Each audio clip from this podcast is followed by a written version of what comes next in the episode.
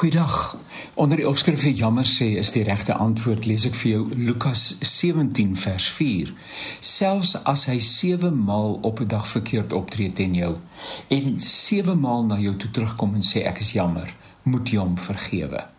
Tans is meneer Bekkie Cele se onwilligheid om verskoning aan te bied vir sy ongevraagde woede-uitbarsting verlede jaar groot nuus.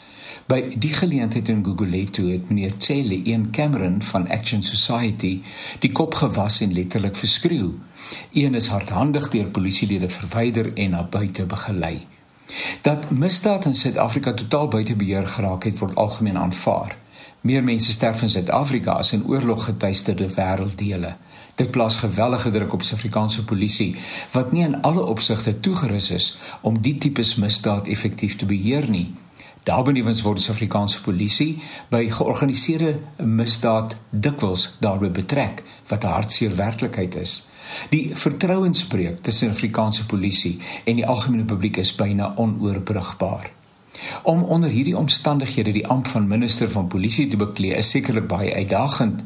Dat dit hoë eise stel aan die persoon wat hierdie amp beklee, kan 'n mens heeltemal verstaan, selfs dat hy onder sekere omstandighede sy humeur kan verloor.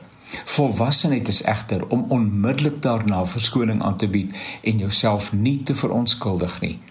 Dit is ongelukkig nie wat hier gebeur het nie.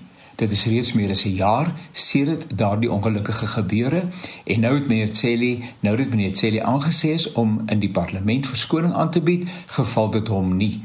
Dit laat 'n mens met ernstige vrae oor sy bevoegdheid as minister. Maar die vraag is nie is ook in watter mate ons dalk self skuldig staan wat hierdie saak betref. Is daar mense teenoor wie ons lankal apologie moes aangeteken het vir ongevraagde optrede iewers? Ons kan nie hulle nie kritiseer as ons self skuldig staan nie. Nie dat dit op die weg van gelowiges lê om die vinger na ander mense te wys nie. Maar 'n mens kan uiteraard meer verwag van 'n openbare figuur soos meneer Cele, Maar as ons self agter die deur staan, moet ons maar huiwerig wees om vinger te wys. Hoe lyk dit met die jammer sê in jou lewe? Wees haastig om jammer te sê. Begin vandag daarmee.